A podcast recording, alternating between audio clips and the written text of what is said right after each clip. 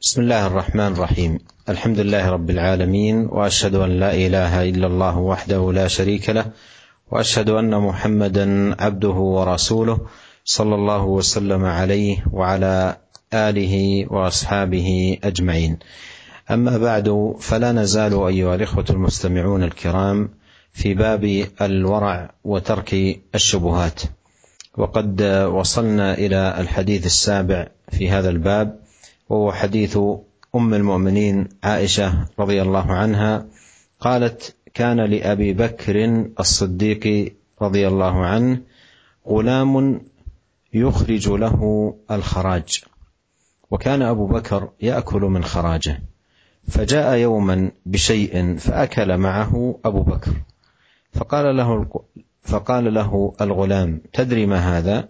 فقال أبو بكر وما هو؟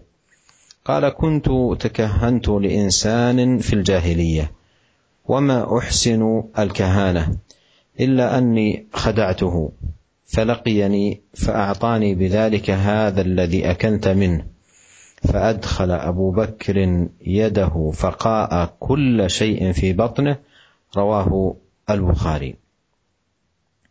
قال النووي رحمه الله الخراج شيء يجعله السيد على عبده يؤديه إلى السيد كل يوم وباقي كسبه يكون للعبد.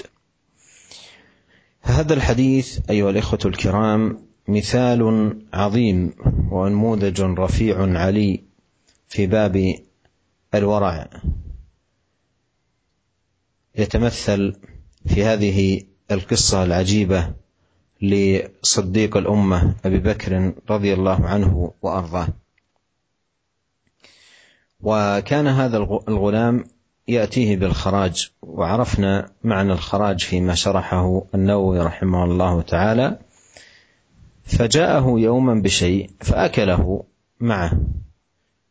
الاعتبار أنه من الخراج الذي اعتاد أن يأتي به هذا الغلام. فقال له الغلام أي بعدما أكل رضي الله عنه تدري ما هذا؟ فقال وما هو؟ قال كنت تكهنت لإنسان في الجاهلية. ومعنى تكهنت أي عملت له كهانة. والكهانة ادعاء شيء من علم الغيب. وقد قال عليه الصلاة والسلام من أتى كاهنا أو عرافا فصدقه بما يقول فقد كفر بما أنزل على محمد صلى الله عليه وسلم. الكهانة تتنافى مع ما أنزل على محمد صلى الله عليه وسلم ومن ذلك ومن ذلكم أنه لا يعلم الغيب إلا الله سبحانه وتعالى. يقول الغلام: وما كنت أحسن الكهانة إلا أنني خدعته إلا أنني خدعته. وحقيقة هنا أيها الإخوة المستمعون نستفيد فائدة في هذا الباب ينبغي التنبه لها. وهو أن من يدعون الكهانة معرفة الأمور لا يخلون من أحد رجلين.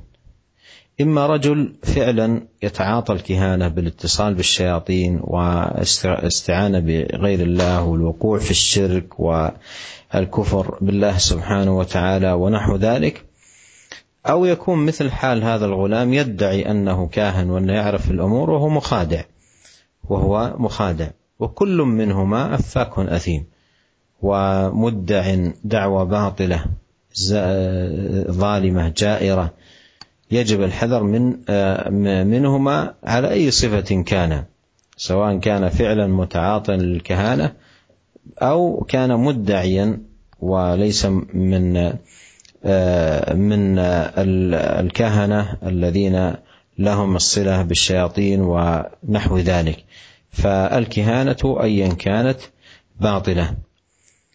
فيقول فلقيني فأعطاني بذلك هذا الذي أكلت منه. أعطاني أي أجرة الكهانة.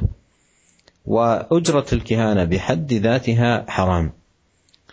والنبي صلى الله عليه وسلم نهى عن حلوان الكاهن. فالكهانة بحد ذاتها حرام. فقال هذا الذي أكلت منه.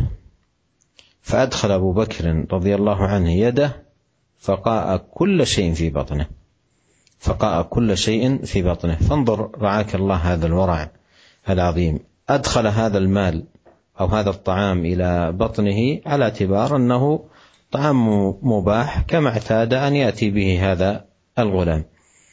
ثم لما تبين له ما في هذا المال من خلال ما قصه عليه هذا الغلام لم يشأ أن يبقى هذا المال أو هذا الطعام في في جوفه فعمد رضي الله عنه إلى أن أدخل يده في فمه فقاء كل شيء في في بطنه.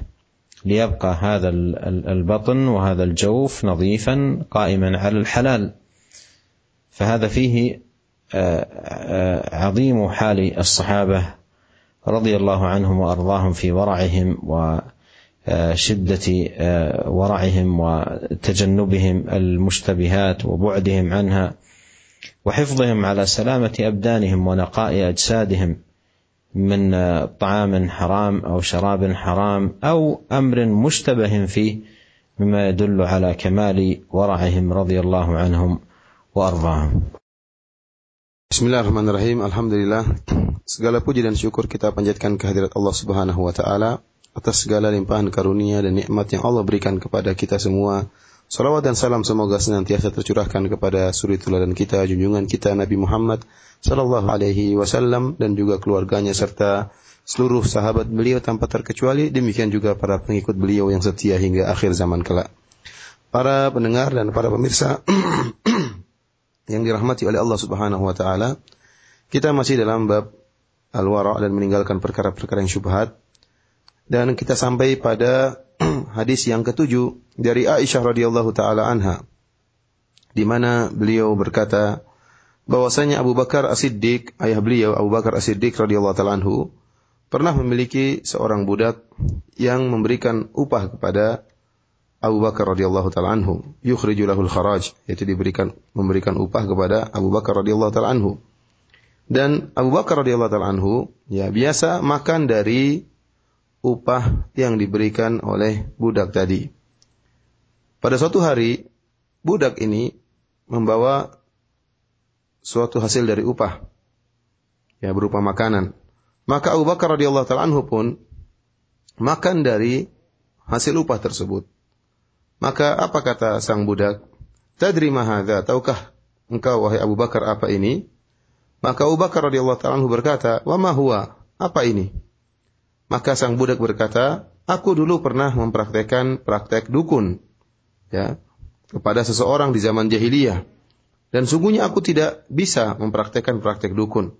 Hanya saja aku menipunya.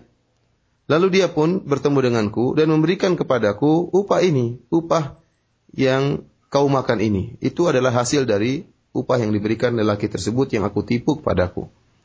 Yang aku menipuinya. Maka Abu Bakar radhiyallahu taala anhu pun masukkan ya tangannya ke dalam mulutnya kemudian beliau pun memuntahkan seluruh yang ada dalam isi perutnya. Hadis ini diriwayatkan oleh Imam Al-Imam Al-Bukhari. Para pemirsa yang dirahmati oleh Allah Subhanahu wa taala, ini merupakan contoh yang sangat agung, contoh yang sangat luar biasa dalam masalah wara, menjauhi perkara-perkara yang syubhat. Ya. Permisalan atau contoh yang menakjubkan yang dilakukan oleh As-Siddiq Abu Bakar radhiyallahu taala anhu. Di mana ya dia memiliki seorang budak yang bekerja dan sebagian upahnya diberikan kepada Abu Bakar radhiyallahu taala anhu dan biasa Abu Bakar radhiyallahu taala anhu makan dari upah tersebut. Namun Suatu hari, budak ini membawa makanan dari ya upah yang dia bawa ya dan kemudian dimakan oleh Abu Bakar radhiyallahu taala anhu. Abu Bakar radhiyallahu taala anhu makan makanan tersebut ya dengan menganggap bahwasanya makanan tersebut makanan yang halal sebagaimana biasanya sang budak membawa upah kemudian upah tersebut diberikan dibelikan makanan kemudian dimakan oleh Abu Bakar radhiyallahu taala Akan tapi ternyata kali ini berbeda dengan biasanya. Kali ini sang budak mengatakan upah atau makanan yang kau makan tersebut merupakan hasil dari praktek dukun yang pernah aku kerjakan di zaman jahiliyah tatkala aku menipu seseorang. Ya kata sang budak, kuntu takahantu li insanin fil jahiliyah wa ma usinul kahana illa anni khada'tuhu. Aku dulu pernah mempraktekkan praktek dukun ya kepada seseorang di zaman jahiliyah. Waktu jahiliyah dan aku sebenarnya tidak pandai, tidak bisa mempraktekkan praktek dukun, hanya saja aku menipunya. Dan kehanah perdukunan yaitu seorang mengaku mengetahui ilmu gaib, ya. Dan ini telah diingatkan oleh Nabi Shallallahu Alaihi Wasallam bahwasanya praktek dukun merupakan praktek yang sangat berbahaya. Rasulullah SAW juga memperingatkan umatnya agar tidak mendatangi orang-orang yang dikenal sebagai dukun. Kata Nabi SAW, Man ataka kahinan aw arrafan, fasaddaqahu bima yakul, faqad kafara bima unzila ala Muhammad sallallahu alaihi wasallam. Kata Nabi SAW, barang siapa yang mendatangi dukun atau paranormal, ya, yang mengakui, mengaku mengetahui ilmu-ilmu gaib, mengetahui masa depan, Ya, kemudian membenarkan perkataan dukun dan paranormal tersebut, faqad kafara bima unzila ala Muhammad. Maka dia telah kafir terhadap apa yang diturunkan kepada Muhammad sallallahu alaihi wasallam, yaitu kafir terhadap Al-Qur'an. Kenapa? Karena perdukunan itu bertentangan ya dengan apa yang diturunkan oleh Allah Subhanahu wa taala, yaitu bertentangan dengan Al-Qur'an. Karena Allah telah menjelaskan dalam banyak ayat dalam Al-Qur'an bahwasanya tidak ada yang mengetahui ilmu gaib kecuali Allah Subhanahu wa taala.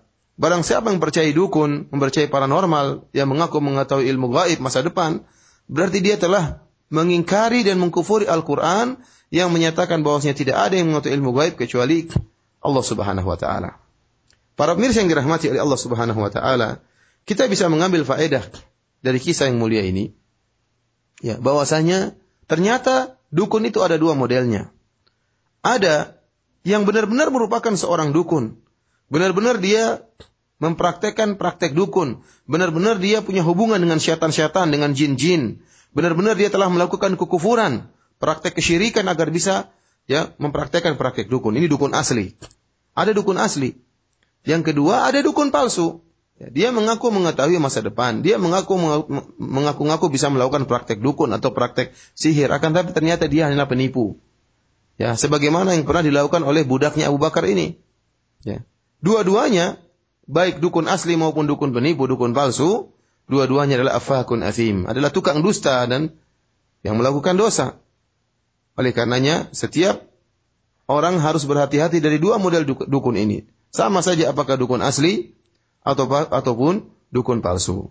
Ya, dan praktek perdukunan hasil dari praktek perdukunan sama saja apakahnya dukun tersebut dukun asli ataupun dukun palsu, dua-duanya diharamkan oleh Rasulullah sallallahu alaihi wasallam. Karena nah, nah Nabi sallallahu alaihi wasallam hulwanil kahin. Dalam hadis disebutkan bahwa Rasulullah SAW mengharamkan upah atau hasil dari praktek perdukunan. Ya. Baik dukun praktek perdukunan tersebut dari dukun asli maupun dukun palsu yang mengaku sebagai sebagai dukun. Perhatikanlah para pemirsa yang dirahmati oleh Allah Subhanahu wa taala. Ya. Tatkala sang budak mengabarkan kepada Abu Bakar bahwasanya makanan yang dia makan merupakan hasil dari upah praktek dukun yang pernah dia lakukan di zaman jahiliyah karena menipu seorang, maka Abu Bakar radhiyallahu taala anhu pun ya tidak menunda-nunda langsung beliau memasukkan tangan beliau ya ke dalam mulut beliau kemudian memuntahkan segala sesuatu dari segalanya dari perut beliau. Faqa'a kulla syai'in fi batnihi. Maka seluruh makanan yang pernah dimasukkan dalam perutnya dikeluarkan dimuntahkan oleh Abu Bakar radhiyallahu taala anhu. Perhatikan padahal Abu Bakar radhiyallahu taala anhu tatkala memakan makanan tersebut, dia menyangka makanan tersebut makanan yang mubah, makanan yang halal. Ya karena memang biasanya sang budak memberikan upahnya, ya memberikan untuk dibelikan makanan dan diberikan kepada Abu Bakar. Akan tetapi, akan tetapi ternyata pada kali ini, ya bukan dari upah kerja dia, tetapi merupakan upah dari praktek perdukunan.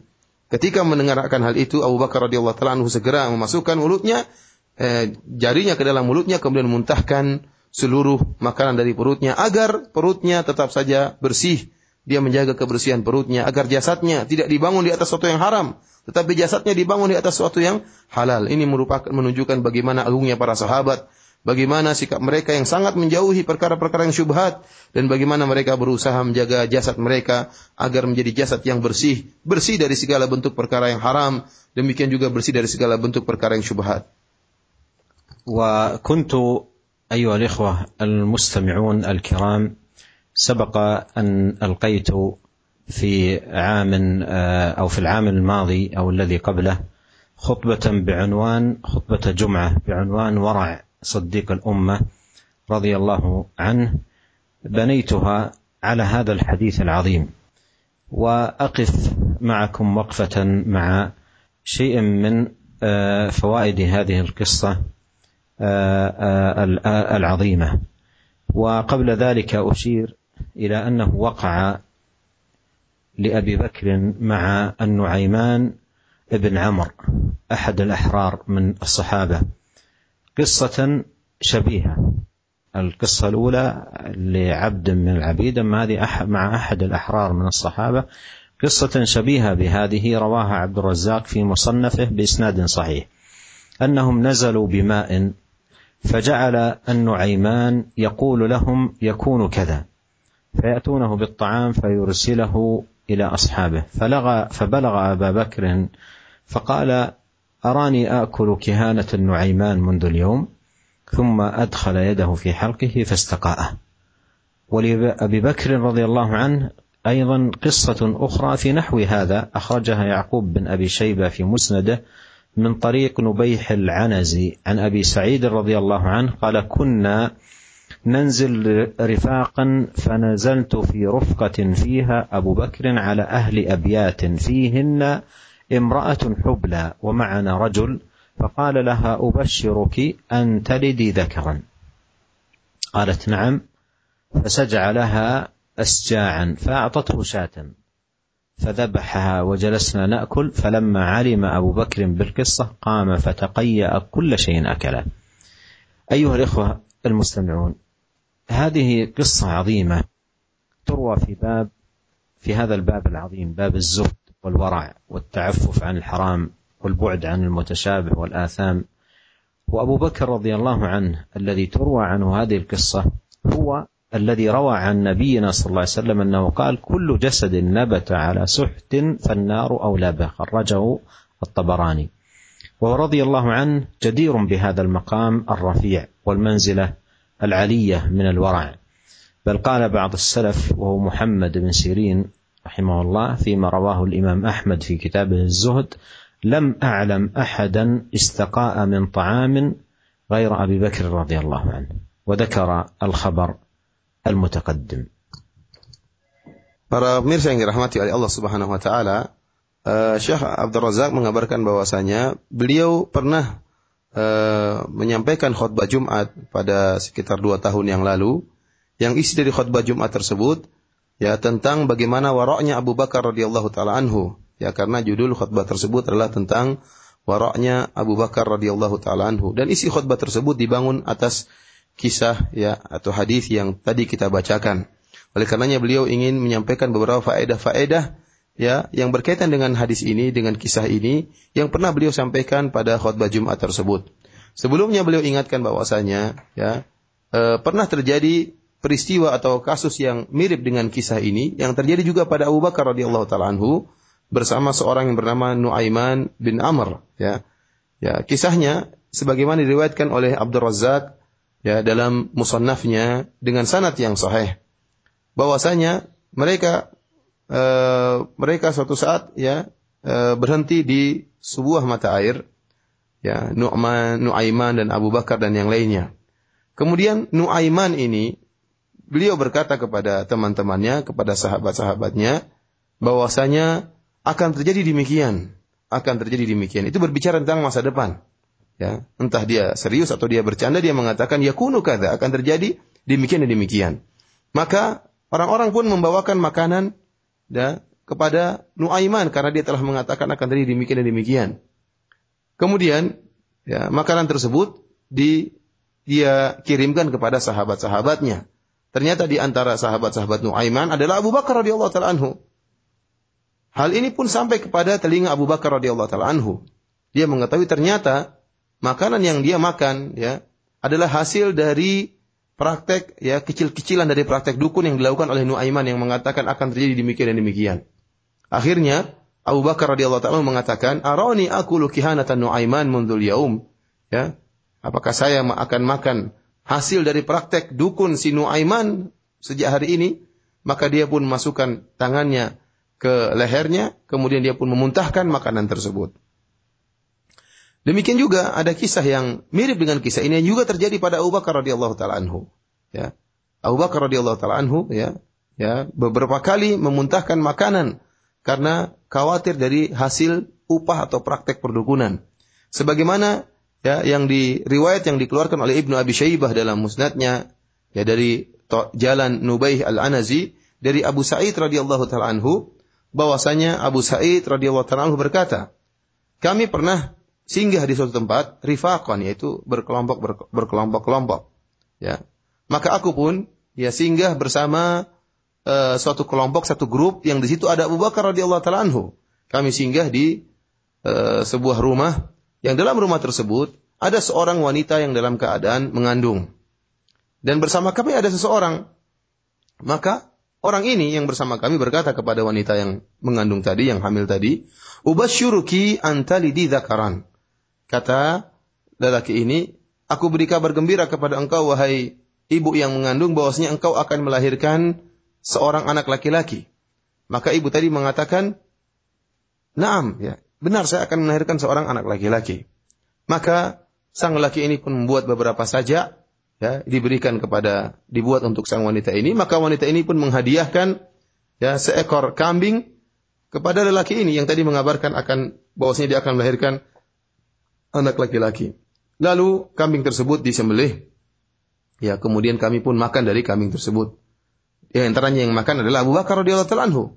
Tatkala Abu Bakar radhiyallahu taala mengetahui ternyata kambing tersebut merupakan hasil dari perkataan sang lelaki bahwasanya engkau akan melahirkan seorang lelaki eh, lelaki tadi yang mengabarkan kepada sang ibu engkau akan melahirkan seorang wanita, seorang lelaki. Ini menunjukkan sang lelaki sedang ya melaksanakan praktek dukun kecil-kecilan itu mengabarkan engkau sang ibu akan melahirkan anak laki-laki. Tatkala Abu Bakar mengetahui kisah ini, maka dia pun memuntahkan isi makanannya. Lihatlah para pemirsa yang dirahmati oleh Allah Subhanahu wa taala. Ini merupakan kisah yang sangat menakjubkan yang diriwayatkan tentang bab wara, ya, tentang bagaimana sikap menjauhi dari perkara yang haram. Lihatlah Abu Bakar radhiyallahu taala anhu, berkali-kali beliau memuntahkan isi perut beliau karena khawatir isi bahwasanya apa yang dia makan adalah perkara yang haram. Beliaulah radhiyallahu taala anhu Abu Bakar yang telah meriwayatkan kepada kita sabda Nabi sallallahu alaihi wasallam, "Kullu jasadin nabata ala suhtin fannaru aula bihi." Segala jasad yang tumbuh dari perkara yang haram, maka lebih layak untuk disentuh oleh api neraka yang diriwayatkan oleh At-Tabrani. Ya. Oleh karenanya, para pemirsa yang dirahmati oleh Allah Subhanahu wa taala, maka dalam kesempatan ini kita mengetahui bagaimana kedudukan Abu Bakar radhiyallahu taala anhu. Bahkan Muhammad bin Sirin ya rahimahullah sebagaimana diriwayatkan oleh Imam Ahmad dalam kitabnya Kitab Zuhud, beliau pernah mengatakan, "Lam a'lam ahadan istaqa'a min ta'amin ghairi Abi Bakar radhiyallahu taala anhu." Saya tidak mengetahui ada seorang pun yang dia memuntahkan makanan selain Abu Bakar radhiyallahu taala anhu. Kemudian Ibnu Sirin pun menyebutkan kisah yang yang lalu sebagaimana menyebutkan bagaimana Abu Bakar radhiyallahu taala tatkala mengetahui beliau makan dari hasil praktek perdukunan atau mengira-ngira tentang masa depan, maka beliau pun tidak ragu-ragu langsung memuntahkan isi perut beliau. أيها الإخوة المستمعون جدير بكل مؤمن أن يضع هذه القصة العظيمة نبراسا له لا سيما في زماننا هذا الذي قل حظ كثير من الناس فيه من الورع وأصبح عدد من الناس لا يبالي فيما يقتاته من طعام ولا فيما يكتسبه من مال بل أصبح الأمر لدى بعضهم أن الحلال ما حل في يده والحرام من حرم من الحصول عليه. أيها الإخوة إذا كان أبو بكر رضي الله عنه وأرضاه تقيأ هذا الطعام لأنه جاء من هذا الطريق طريق الكهانة.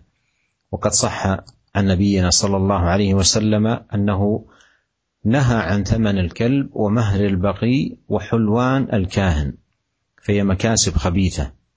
وإذا قام جسد على المكاسب الخبيثة والأطعمة المحرمة فالنار أولى به يوم يلقى الله عز وجل.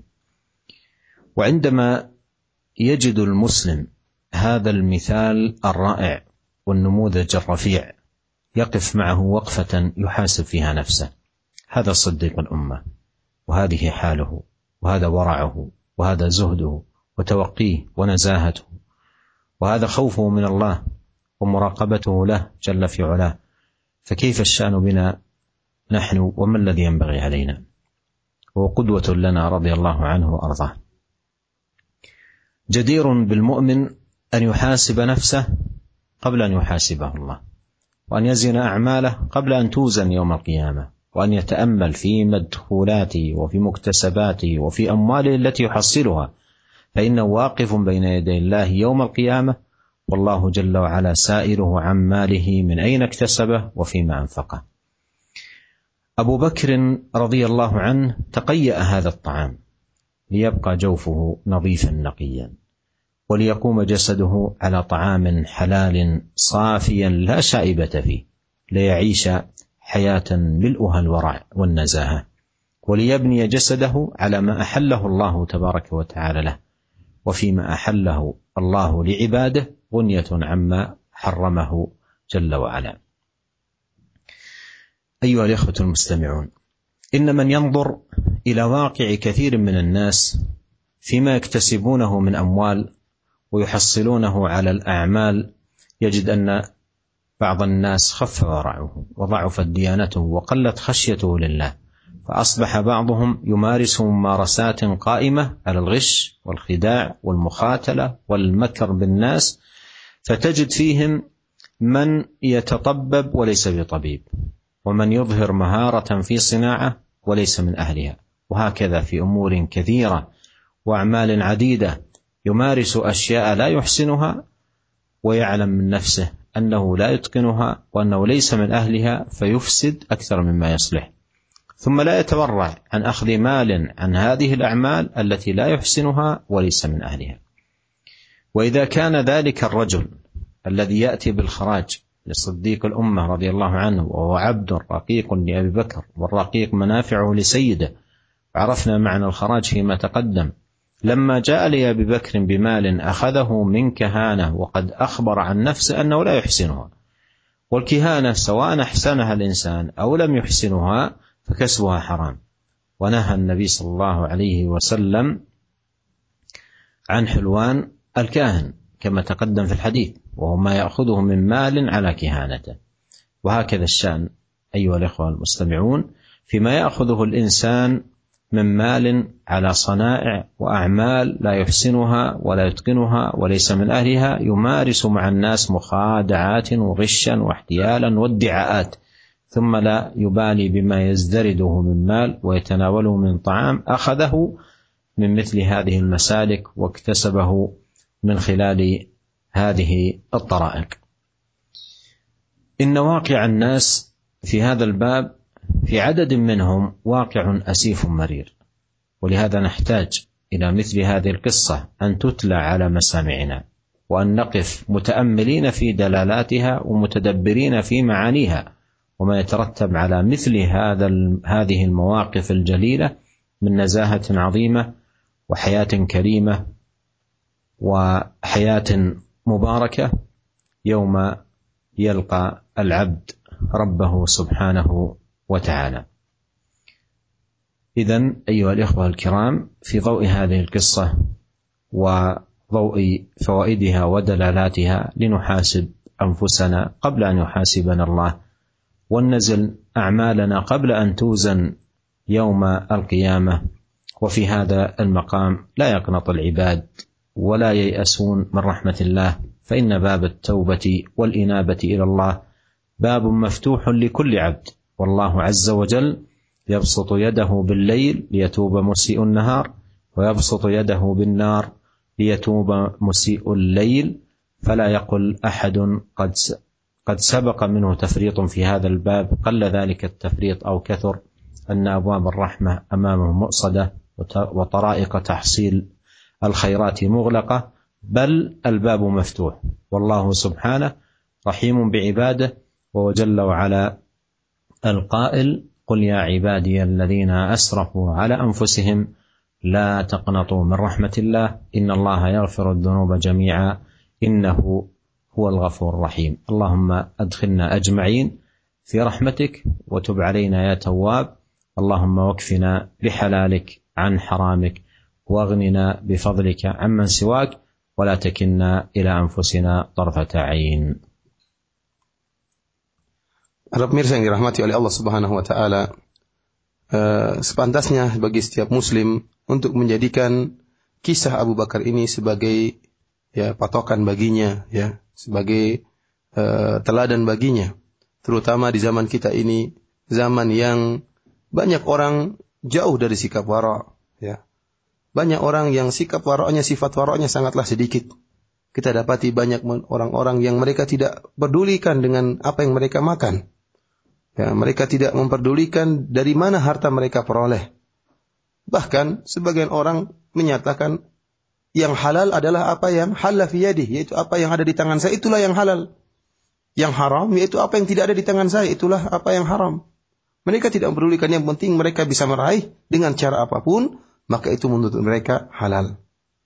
Lihatlah bagaimana teladan kita Abu Bakar radhiyallahu taala anhu yang telah memuntahkan makanan ini dari perutnya. Ya, kenapa? Karena makanan tersebut merupakan hasil dari upah praktek perdukunan. Dan Nabi Shallallahu Alaihi Wasallam telah melarang hal ini dalam satu hadis. Nabi Shallallahu Alaihi Wasallam naha an thamanil kalbi wa mahril baghi wa hulwanil kahin. Rasulullah SAW melarang dari hasil perjualan anjing dan Rasulullah SAW melarang dari uh, harta dari perzinahan, hasil dari upah berzina, dan Rasulullah SAW juga melarang upah dari praktek perdukunan. Ini merupakan pekerjaan-pekerjaan yang buruk. Ya, oleh karena jika jasad seseorang dibangun tumbuh dari eh, hasil-hasil yang buruk ini, ya dari makanan-makanan yang haram, maka fannaru aula bihi, maka jasad tersebut lebih pantas untuk disentuh dan dibakar oleh api neraka pada hari kiamat kelak, hari tatkala hamba-hamba Allah bertemu dengan Allah Subhanahu wa taala.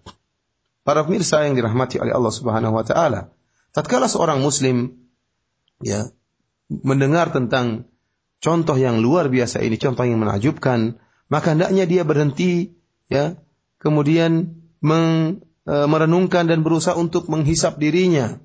Ya, lihatlah perhatikan bagaimana Abu Bakar As-Siddiq radhiyallahu taala bagaimana kondisi beliau, bagaimana warak beliau, bagaimana zuhud beliau.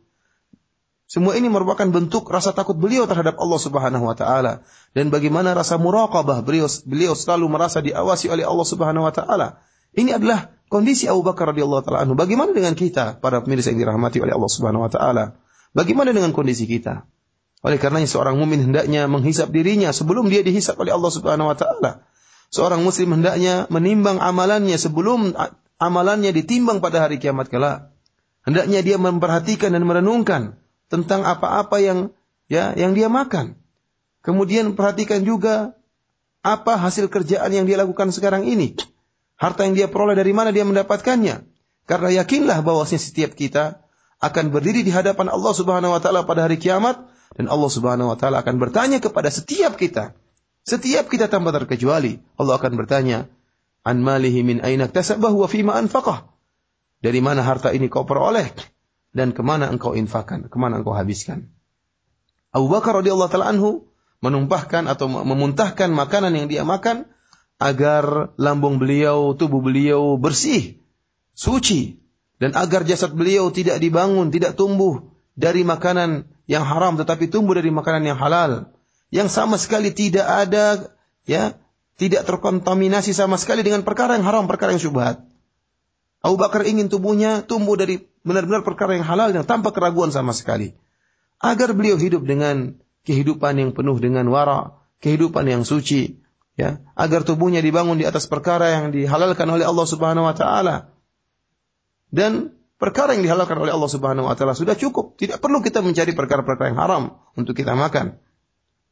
Para pemirsa yang dirahmati oleh Allah Subhanahu wa taala barang siapa yang melihat kondisi masyarakat pada zaman kita ini ya maka kita akan dapati maka dia akan mendapati bahwasanya banyak orang yang sikap waraknya sedikit ya dan lemah agamanya dan sedikit rasa takutnya kepada Allah Subhanahu wa taala.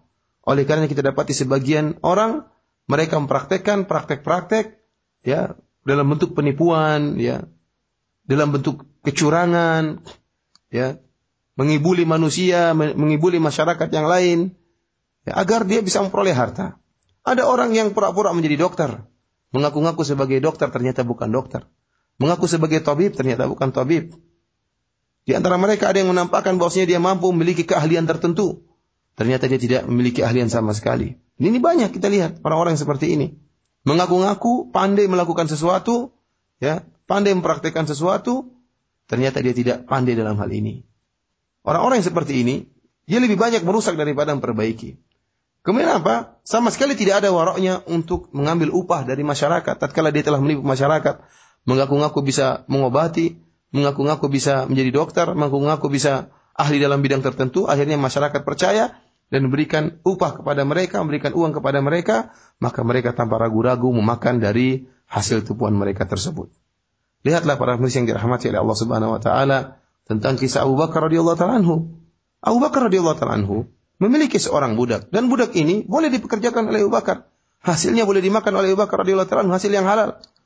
Kemudian sang budak memberikan upah kepada Abu Bakar dan biasa dimakan oleh Abu Bakar radhiyallahu taala ternyata pada suatu hari sang budak memberikan makanan kepada Abu Bakar bukan dari upah kerjanya tetapi dari hasil upah praktek dukunnya. Praktek perdukunan yang dilakukan di zaman jahiliyah. Akhirnya Abu Bakar radhiyallahu taala pun memuntahkan ya isi perutnya. Ya karena Nabi Shallallahu alaihi wasallam telah melarang mengambil atau mengharamkan upah dari praktek perdukungan, perdukunan. Para mis yang dirahmati oleh Allah Subhanahu wa taala, ya sebagaimana telah kita sampaikan sebelumnya bahwasanya dari sini kita tahu bahwasanya uh, sang budak ternyata beli, dia mempraktekkan praktek perdukunan yang dia tidak pandai dalam praktek tersebut. Dan ternyata demikianlah banyak orang-orang yang mereka mengaku-ngaku bisa melakukan suatu perkara, pandai dalam melakukan suatu praktek, ternyata mereka tidak pandai dalam mempraktekkan hal tersebut. Mereka hanya menipu dan berbuat curang dan mengibuli masyarakat, kemudian mereka mengambil hasil dari upah tipuan mereka tersebut. Para mirsa yang dirahmati oleh Allah Subhanahu wa taala, sungguhnya kondisi masyarakat pada zaman sekarang ini kita dapati kondisi yang sangat menyedihkan, ya. Banyak mereka yang jauh dari sikap wara, tidak peduli dengan apa yang mereka makan, tidak peduli dengan apa yang dimasukkan dalam mulut mereka. Oleh karenanya butuh bagi kita untuk memperhatikan kisah yang menakjubkan dari Abu Bakar radhiyallahu taala anhu. Kisah ini hendaknya dibacakan agar agar bisa didengar oleh telinga-telinga kita dan hendaknya kita benar-benar menenungkan ya ya faedah-faedah dari kisah yang sangat mulia ini. Bagaimana ya memberikan faedah agar kita benar-benar bersikap wara. Bagaimana sikap Abu Bakar radhiyallahu taala anhu? Oleh karena hendaknya kita berusaha menghisap diri kita sebelum kita dihisap oleh Allah Subhanahu wa taala. Hendaknya kita menimbang amalan-amalan kita sebelum amalan-amalan kita ditimbang oleh Allah Subhanahu wa taala. Dan meskipun perkaranya kes, keparahan yang kita lihat di masyarakat, hendaknya jangan sampai kemudian kita ya um, putus asa dari rahmat Allah Subhanahu wa taala. Mungkin di antara kita ada yang pernah melakukan hal yang haram, ada yang pernah mempraktekkan praktek yang haram, ada yang pernah makan makan yang haram. Akan tapi ingatlah bahwasanya pintu taubat senantiasa terbuka oleh Allah Subhanahu wa taala. Allah senantiasa mempersilahkan hamba-hambanya untuk kembali kepada Allah Subhanahu wa taala. Dialah Allah yang Nabi Shallallahu alaihi wasallam mengatakan bahwasanya Allah telah membentangkan tangannya di malam hari agar orang-orang yang berbuat kemaksiatan di siang hari bertobat kepada Allah Subhanahu wa taala. Wa yabsutu yadahu bin nahar liyatuba musiul lail dan Allah telah membentangkan tangannya di siang hari agar orang-orang bermaksiat di malam hari, berdosa di malam hari bertobat kepada Allah Subhanahu wa taala. Oleh karena jangan sampai seorang yang dulu pernah melakukan kemaksiatan, yang dulu pernah praktekkan-praktekkan yang haram, pernah makan hasil yang haram, pernah terjerumus dalam dosa-dosa, kemudian dia mengatakan bahwasanya pintu taubat, pintu rahmat telah tertutup di hadapannya. Jangan sampai dia mengatakan demikian. Akan tapi ingatlah, pintu taubat senantiasa terbuka di sisi Allah Subhanahu wa taala yang Maha Pengasih dan Maha Pengampun bagi hamba-hambanya. Allah Subhanahu wa taala berfirman, "Qul ya ibadiyalladzina asrafu ala anfusihim la taqnatu min rahmatillah, innallaha yaghfiru dzunuba jami'an innahu huwal ghafurur rahim." Katakanlah wahai hamba-hambaku, orang-orang yang telah melampaui batas dalam berbuat dosa. Ya, janganlah kalian putus asa dari rahmat Allah Subhanahu wa taala. Sungguhnya Allah Subhanahu wa taala Maha mengampuni seluruh dosa dan sungguhnya Allah Subhanahu wa taala Maha pengampun lagi Maha penyayang terhadap hamba-hambanya. Kita mohon kepada Allah Subhanahu wa taala agar Allah masukkan kita seluruhnya dalam rahmatnya dan agar Allah Subhanahu wa taala menerima taubat kita dan agar Allah Subhanahu wa taala mencukupkan kepada kita perkara-perkara yang halal sehingga kita tidak butuh dengan perkara-perkara yang haram. Dan kita semoga Allah Subhanahu wa taala menjadikan kita senantiasa butuh kepada Allah dan tidak butuh kepada selain Allah Subhanahu wa taala. أيها الإخوة الكرام إن رأس مال المرء في هذه الحياة الدنيا دينه وكل أمر ينكسر سوى الدين فله عوض. أما الدين إذا انكسر فلا يعوضه شيء. يجب على العبد أن يراعي دينه وأن يصون أمانته وأن يجد ويجتهد في تحقيق النزاهة والزهد والورع. وتحقيق تقوى الله عز وجل وأن يستعين بربه وسيده ومولاه. قد قال عليه الصلاة والسلام احرص على ما ينفعك واستعن بالله ولا تعجزن. والحمد لله. أبواب الخيرات مشرعة ومهيئة وعلى العبد أن يأخذ بنفسه مأخذ الحزم والعزم وأن يزمها بزمام الشريعة. مستعينا بالله تبارك وتعالى طالبا مده وعونه محققا قول الله تبارك وتعالى اياك نعبد واياك نستعين وبالله وحده التوفيق Para pemirsa dan para pendengar yang dirahmati oleh Allah Subhanahu wa taala, ketahuilah bahwasanya perkara yang sangat penting yaitu merupakan modal dasar seorang hamba yang harus dia jaga ya, yaitu dalam menjalani kehidupan dunia ini adalah agamanya. Ya. Selain agama, kalau terjadi kerusakan, ya, terjadi kekurangan, ya, masih bisa diganti, masih ada gantinya. Adapun agama, ya, jika rusak, maka sulit untuk dicari gantinya. Oleh karenanya para pemirsa yang dirahmati Allah Subhanahu wa taala, seorang hamba hendaknya memperhatikan agamanya dan berusaha menjaga agamanya, bersungguh-sungguh. Ya, bersungguh-sungguh untuk mensucikan agamanya. Bersungguh-sungguh untuk mempraktekkan sikap zuhud dan wara dan berusaha untuk mewujudkan takwa Allah, rasa takut kepada Allah Subhanahu wa taala dan hendaknya ia beristianah minta pertolongan kepada Rabbnya, kepada penolongnya. Nabi Shallallahu alaihi wasallam telah bersabda, ihris ala ma yanfa'uk wasta'in billahi wa la ta'jizan. Kata Nabi sallallahu alaihi wasallam, hendaknya engkau semangat untuk melakukan apa yang bermanfaat bagi engkau dan mintalah pertolongan kepada Allah Subhanahu wa taala dan jangan malas. Alhamdulillah, pintu-pintu kebaikan terbuka. Ya. Tersediakan, disediakan oleh Allah Subhanahu wa taala. Hanya saja bagi seorang hamba hendaknya berusaha beristihad bersungguh-sungguh.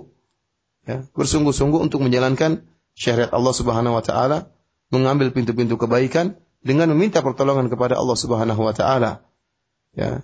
Ingat firman Allah Subhanahu wa taala, wujudkan firman Allah dalam hati kita, iyyaka na'budu wa iyyaka nasta'in. Hanya kepada Engkau lah ya Allah kami beribadah dan hanya kepada Engkau lah kami mohon pertolongan.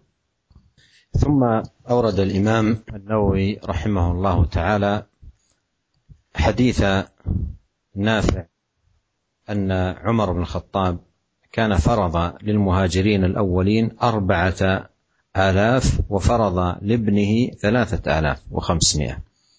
فقيل له هو من المهاجرين فلما نقصه؟ فقال إنما هاجر به أبوه. يقول ليس هو كمن هاجر بنفسه رواه البخاري. وهذا أيها الإخوة فيه ورع عمر بن الخطاب رضي الله عنه الخليفة الثاني أمير المؤمنين رضي الله عنه وأرضاه.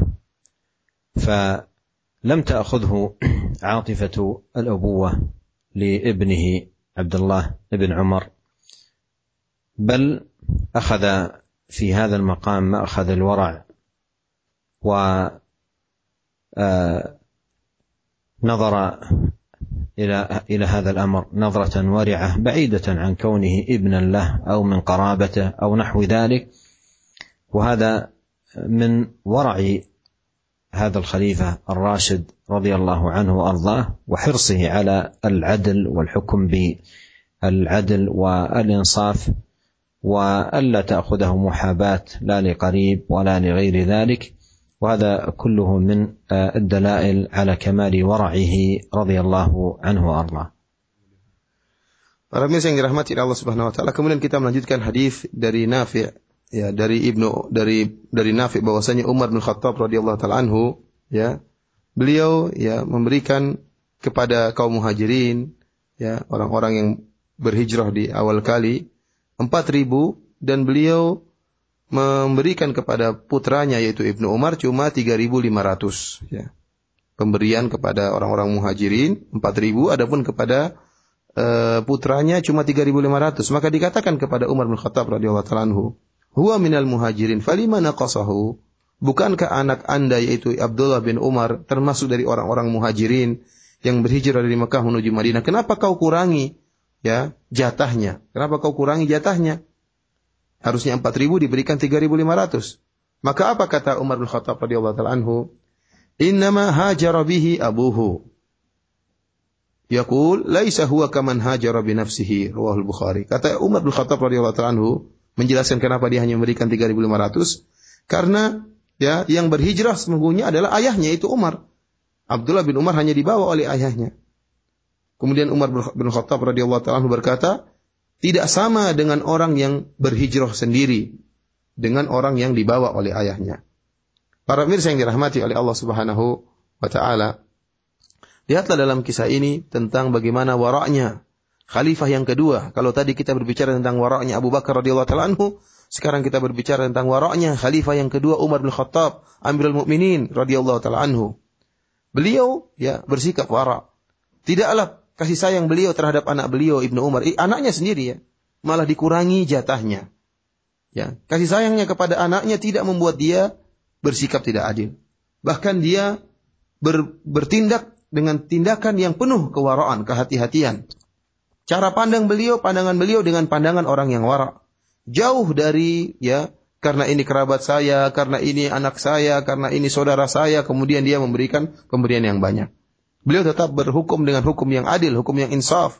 Ya sama sekali beliau tidak memandang siapa yang di hadapan beliau. Bahkan anak beliau Ibnu Umar radhiyallahu taala anhu Secara zahirnya berhak mendapatkan 4000 pemberian karena dia termasuk orang yang berhijrah dari Mekah menuju Madinah. Akan ter, akan tapi ternyata Umar memandang dengan pandangan yang warak. Dia mengatakan anak saya saya bawa, saya yang berhijrah sebagai ayah. Saya yang bawa anak saya. Oleh karenanya tidak sama antara anak yang dibawa oleh ayahnya dengan orang yang berhijrah dengan sendirinya. Oleh karenanya Ibnu Umar diberikan harta kurang daripada orang-orang yang lain hanya diberikan 3500 sementara kaum muhajirin yang lain diberikan 4000 oleh Umar bin Khattab radhiyallahu taala anhu. ثم ختم النووي رحمه الله تعالى هذه الترجمة بحديث عطية ابن عروة السعدي الصحابي رضي الله عنه قال قال رسول الله صلى الله عليه وسلم لا يبلغ العبد أن يكون من المتقين حتى يدع ما لا بأس به حذرا لما به بأس. رواه الترمذي وقال حديث حسن.